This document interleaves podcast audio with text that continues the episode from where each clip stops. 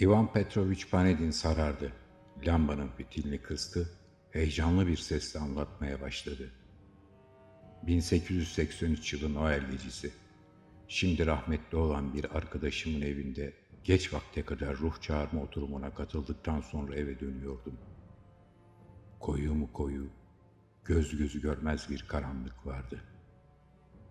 Sokak fenerleri yanmadığı için önümü seçemiyor, neredeyse el yordamıyla yolumu buluyordum. Moskova'nın mezarlıklarının bulunduğu mahallede, yani Arbat semtinin dip köşesinde Trupov adlı memur arkadaşımın yanında kalıyordum. Kafamın içi ağır, karma karışık düşüncelerle doluydu. Sana öbür dünyaya yol gözüküyor. Tövbe etmeden gitme. Ruhunu çağırmayı başardığımız Spinoza'nın bana ulaştırdığı ileti buydu. Büyük filozoftan hakkımda bildiklerini bir daha yenilemesini istediğimde parmaklarımızı bastırdığımız çay tabağı aynı yazıyı yazdıktan sonra şunu da ekledi. Bu gece öleceksin. Aslında ruhlara, espiritizmaya filan inanmam. Gel gelelim ölüm düşüncesi. Daha doğrusu öleceğimle ilgili açıklamalar canımı sıkmaya yetmişti. Siz ne dersiniz baylar? Her ne kadar ölüm kaçınılmaz, doğal bir olguysa da birisi yakında öleceğinizi söylese hanginizin tüyleri ürpermez? O zaman da öyle. Buz gibi soğuk havada, göz gözü görmez karanlıkta yolumu bulmaya çalıştığım, tepemde hırçın rüzgarın hüzünlü hüzünlü uluduğu, yağmur damlalarının kudurmuşçasına savrulduğu, çevremde tek canlı varlık görmediğim, tek insan sesi işitmediğim böyle bir gecede yüreğimi anlatılmaz bir korku sarmıştı. Saçma inançlara pabuç bırakmayan bir insan olduğum halde korkudan ne arkama ne de iki yanıma dönebiliyor, habire yürüyordum. Başımı arkaya çevirsem ölüm denen şeyi hortlak kılığında karşımda görüvereceğim sanıyordum. Panelin derin bir soluk aldı. Bir bardak su içtikten sonra anlatmasını sürdürdü. Yüreğimi dolduran, kaynağı belirsiz ama hepinizin çok iyi anlayacağı korku. Trupov'un oturduğu apartmanın dördüncü katına çıktıktan, benim kaldığım odanın kapısını açıp içeri girdikten sonra da yakamı bırakmadı. Bekar odam zindan gibi karanlıktı. Rüzgar sobanın içinde de uğulduyor, sanki sıcak odaya onu da almam istercesine hava deliğinin kapağını zangır zangır titretiyordu. Gülümseyerek, eğer Spinoza'ya inanmak gerekirse bu gece rüzgarın inlemesini dinleye dinleye öleceğim. Gene de çok korkunç. Dedim kendi kendime. Bir kibrit bulup çaktım. Rüzgar kudurmuşçasına saldırarak evin çatısına yüklendi. Aynı anda da hüzünlü inintisi öfkeli kükremelere dönüştü. Aşağıdaki katlardan birinde sürgüsü kopan bir panjur kanadı duvara hızla çarptı. Hava deliğinin kapağı imdat istercesine acı acı gıcırdadı. Böyle bir gecede vay ayıpsizlerin haline diye düşündüm. Ama bu tür düşüncelere dalmanın sırası değilmiş. Kükürtlü kibrit mavi aleviyle parladığında odaya şöyle bir göz attım. Aynı anda da beklenmedik korkunç bir görüntüyle karşılaştım. Keşke rüzgarın saldırısı kibrit alevine de ulaşsaydı. O zaman belki de gözlerim bu görüntüyle karşılaşmaz, tüylerim diken diken olmazdı. Korku içinde çığlık attım. Kapıya doğru birkaç adım geriledim. Büyük bir şaşkınlık ve ürpertiyle gözlerimi kapadım.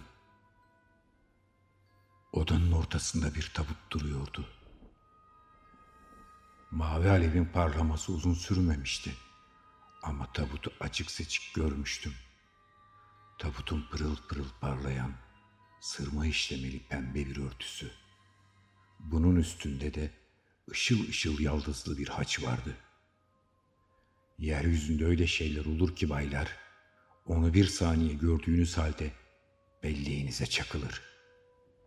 Tabutta da öyle oldu. Onu bir anlığına görmüştüm. Ama şimdi bile tüm ayrıntılarıyla anımsıyorum. Orta boylu bir insan için yapıldığı belliydi. Pembe örtüsüne bakılırsa bir genç kız içindi. Sırma işlemeli örtüsü, tunç tutamakları, alttaki destekleri ölenin zengin bir aileden geldiğini gösteriyordu. Arkama bakmadan dışarı fırlamışım. Ne bir şey düşünebiliyor ne de aklıma başka bir şey geliyordu. Anlatılmaz bir korku içinde yıldırım hızıyla merdivenlerden aşağıya koşmaya başladım. Basamaklar, merdiven sağandı, her yer karanlıktı. Kürkümün etekleri ayaklarıma dolana dolana koşarken nasıl oldu da basamaklardan yuvarlanıp kafamı yarmadım hala şaşıyorum. Kendimi sokakta bulunca ıslak bir fenerin direğine yaslandım. Biraz yatışmaya çalıştım. Yüreğim küt küt atıyordu. Soluğum tıkanacak gibiydi. Panedeni dinleyenlerden bir bayan lambanın fitilini açarak ona daha çok sokuldu. Beriki anlatmasını sürdürdü. Odamda kuduz bir köpek, bir hırsız görsem ya da ansızın yangın çıksa bu derece korkmazdım. Tavan çökse, döşeme yarılsa, duvar çatlasa gene öyle. Çünkü bunların hepsi olabilecek şeylerdi. Ama tabut oraya nereden gelebilirdi? Odanın içinde böyle bir şeyin ne işi vardı? Bir kadın, hem de anlaşıldığına göre genç, soylu bir kız için yapıldığı belli. Pahalı bir tabut nasıl olur da küçük bir memurun odasına bırakılabilirdi? Boş muydu? Yoksa içinde ceset mi vardı? Beklenmedik, ürkütücü ziyaretiyle beni şaşkına çeviren, zamansız ölmüş bu zengin bayan kimdi? İşkence verici bir giz. Eğer bu bir mucize değilse yüzde yüz cinayettir düşüncesi doğdu zihnimde. Gene de bu durumu açıklayamıyordum. Ben yokken odanın kapısı hep kilitli dururdu. Anahtarın yerini ise yalnızca yakın arkadaşlarım bilirlerdi. Tavut onlar getirip koymuş olamazlardı. Bir olasılık vardı. O da tabutçunun onu yanlışlıkla oraya getirip bırakmasıydı. Belki bırakacakları katı ya da odayı şaşırmışlardı. Ancak bunun böyle olması da zordu. Çünkü tabutçular yaptıkları işin parasını getiren kişi ise bahşiş almadan gitmezdi. Çağırdığımız ruh öleceğimi haber vermişti. Sakın tabutu da o göndermiş olmasın diye geçirdim içimden. Baylar, önceden de söylediğim gibi espiritizmaya inanmam. Şimdi de inanmıyorum. Ancak böyle bir rastlantı bir filozofu bile doğaüstü düşüncelere hatta inançlara itebilir. Bir yandan da bunlar tümüyle saçma. Okullu bir çocuk gibi boşu boşuna korktum. Gördüklerim göz yanılmasından başka bir şey değildi. Eve dönerken kafamda öylesine karanlık düşünceler vardı ki sinirlerim zayıfladığı için odamda bir tabut gördüm. Bunda şaşılacak bir şey yok. Düpedüz göz yanılması. Başka bir şey değil diye söyleniyordum.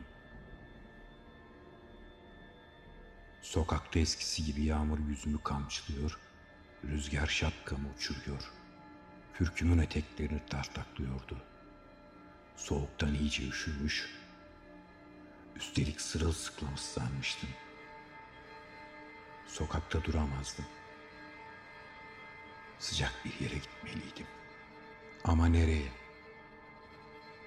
Eve dönsem Davut'u bir kere daha görmek zorunda kalacaktım. Bu da sinirlerimin dayanamayacağı bir şeydi. Çevremde tek canlı yaratık görmediğim, tek insansız duymadığım böyle bir gecede belki de içinde bir ölünün yattığı tabutla baş başa kalınca aklımı oynatabilirdim. Buz gibi soğuk havada bardaktan boşanırcasına yağan yağmurun altında dikilmek olacak şey değildi.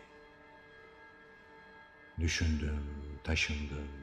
Arkadaşım Pokyev'in yanına gidip geceyi orada geçirmeye karar verdim. Tüccar Çerepov'un Mertlet sokağındaki pansiyonunda oturan arkadaşım Pokyev'i hepiniz tanırsınız. Hani geçenlerde intihar etmişti. Panedin böyle diyerek yüzünde biriken soğuk ter damlalarını sildi, içini çekerek anlatmasını sürdürdü. Ancak evine vardığımda arkadaşımı bulamadım. Kapısını birkaç kez çalıp evde olmadığını iyice anlayınca üst dereyi elimle yokladım. Orada bir anahtar buldum. Kapıyı açıp içeri girdim. İlk işim ıslanan kürkümü çıkarıp atmak oldu. Karanlıkta el yordamıyla sediri buldum. Kendimi hemen bunun üstüne bıraktım. Odada gene zifiri bir karanlık vardı. Pencerenin açık kalan hava kapağında rüzgarın iç karartıcı uğultusuyla içeri girmiş bir cırcır böceğinin tek düze cırıltısı duyuluyordu.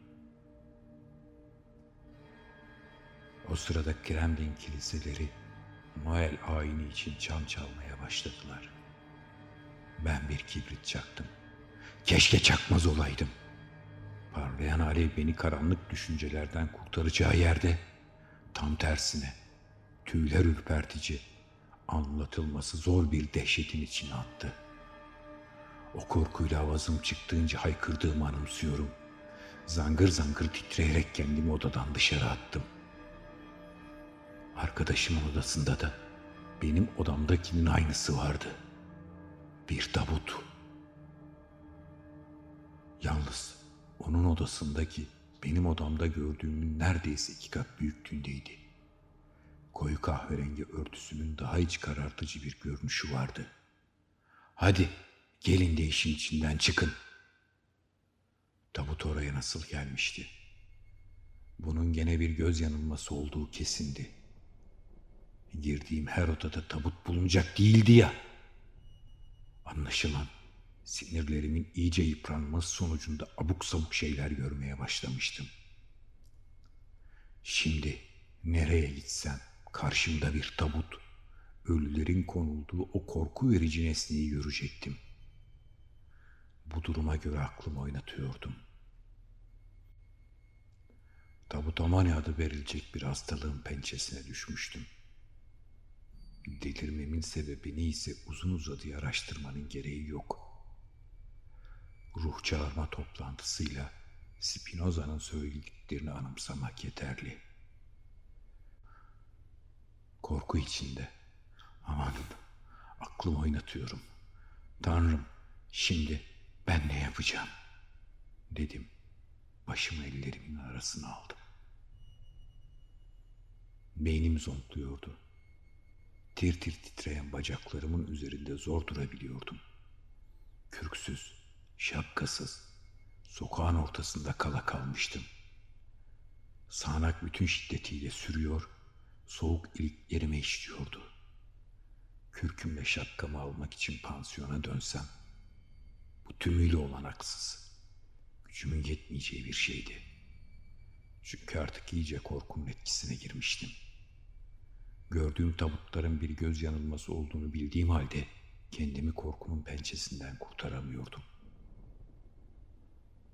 Sırtımdan soğuk terler boşanıyordu. Dehşetten Tüylerim ayağa kalkmıştı. Panedin ne yapacağımı iyice şaşırmıştım diye sürdürdü konuşmasını. Aklımı oynatmama ramak kalmıştı. Üstelik üşütüp yatağa düşecektim. Bereket versin tam o sırada benimle birlikte ruh çağırma oturumuna katılan arkadaşım Doktor Pagostov geldi aklıma. Kendisi az ileride York bir sokağında oturuyordu. Doğruca onun evine yöneldim. Arkadaşım Pagostov henüz şu zengin tüccar kızıyla evlenmemişti. Kaldığı pansiyonda sinirlerimin yeni bir işkenceye katlanması anlamın yazısıymış.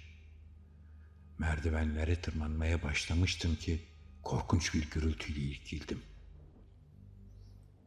Ayaklarıyla gümbür gümbür sesler çıkararak, kapılara çarparak birisi yukarıdan aşağıya koşuyordu. Neredesin kapıcı? Çabuk buraya gel! diye haykırıyordu bir yandan. Bir dakika sonra sırtında kürkü, başında tepesi çökmüş silindir şapkasıyla bir karaltının merdivenlerden aşağıya hızla süzüldüğünü gördüm. Arkadaşım Pogostov'dan başkası değildi bu. Pogostov neler oluyor? Bir şey mi var? diye sordum. Arkadaşım koşmayı bırakarak titreyen elleriyle ellerime sarıldı. Yüzünde renk kalmamıştı. Soluk almakta güçlük çekerek zangır zangır titriyordu. Tedirgin bakışları bir yerde duramıyor, göğsü kalkıp kalkıp iniyordu. Boğuk bir sesle, siz misiniz bana din diye sordu. Durun bakalım, gerçekten siz misiniz? Niye yüzünüz mezar kaçkınları gibi solgun? Sakın siz bir ortlak ya da göz yanılgısı olmayasınız. Aman tanrım, korkunç bir durumdasınız. Ne oldu size? Ama sizde de Batman's kalmamış. Neler oluyor? Allah aşkına. Hiç sormayın azizim. İzin verin de soluklanayım. Eğer karşımdaki göz yanılgısı değil de gerçekten sizseniz size rastladığıma çok sevindim. Kahrolası ispiritizma toplantısı. Sinirlerim öylesine bozulmuş ki eve döndüğümde odamda ne gördüm biliyor musunuz? Bir tabut. Kulaklarıma inanamıyordum. Bir daha söylemesini istedim. Arkadaşım ayakta duramadığı için bir basamağa oturdu.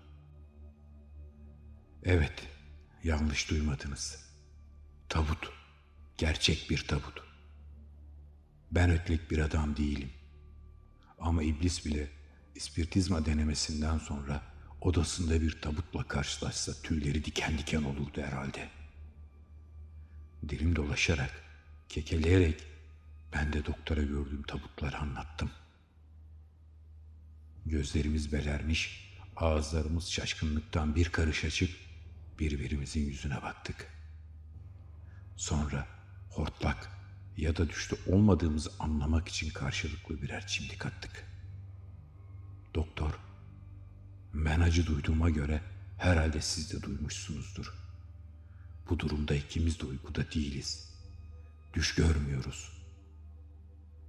Öyleyse odadaki tabutlar gerçekti. Göz yanılması olamaz. Şimdi ne yapacağız? Tam bir saat dondurucu merdivenlerde oturup tahminler, varsayımlar ileri sürerek iliklerimize değin üşüdükten sonra korkuyu bir yana bırakıp kapıcıyı uyandırmaya, onunla birlikte doktorun odasına girmeye karar verdik. Dediğimiz gibi de yaptık. Odaya çıktığımızda bir mum yaktık. Gerçekten de beyaz örtülü, sırma saçaklı, püsküllü bir tabut tam ortada duruyordu. Kapıcı dindarca istavroz çıkardı. Doktorun yüzünün kanı çekilmişti, tir tir titriyordu. Bakalım tabut boş mu yoksa içinde biri var mı? Şimdi anlarız, dedi. Gene de bir türlü kapağı açmaya karar veremiyorduk. Sonunda doktor eğildi, korkudan dişleri kenetlenmiş bir halde kapağı yavaş yavaş kaldırdı. Üçümüz birden tabutun içine baktık. Tabut bomboştu. İçinde ölü yoktu. Ama orada şu mektubu bulduk. Azizim Pogostov, kayınbabamın işlerinin bozulduğunu biliyorsun. Boğazına dek borca batmış durumdadır. Yarın öbür gün eşyalarını etmeye gelebilirler. Bu hem onun hem de benim ailemizi yok etmeye, namusumuzu lekelemeye yeter. Ben onuruna düşkün bir adamım. Dün yaptığımız aile toplantısında kayınbabamın değerli, para eder nesi varsa saklamaya karar verdik. Adamcağızın tüm varlığı tabutları olduğu için bunlardan en değerlerini seçtik. Bir dost olarak bize yardım etmeni istiyorum. Desteğini bizden esirgeme. Malımızı, onurumuzu kurtar. Bunu bizden esirgemeyeceğini umarak, aziz dostum, geri isteyinceye dek odanda kalması için bir tabuk gönderiyorum. Yakın arkadaşlarımın, dostlarımın yardımı olmazsa mahvolacağımız yüzde yüz. Tabut sende en fazla bir hafta kalacaktır. Gerçek dost birliklerime birer tane gönderiyorum. Sizlerin gönlü yüceliğinize, iyilikseverliğinize güvenim sonsuzdur. Ivan Chelyustin Bu olaydan sonra ben sinir kliniğinde tam üç ay tedavi gördüm. Tabutçunun güveyi dostumuzsa hem onurunu hem de kayınbabasının mal varlığını kurtardı. Şimdi kendisi de bir cenaze işleri bürosu açtı. Gömüt taşları, üzeri yazıt mermer levhalar satıyor. Şu sıralar işleri iyi gitmiyormuş. Şimdi her akşam odama girerken karyolamın dibinde mermer bir yazıt ya da katafalk bulacağım diye ödüm patlıyor.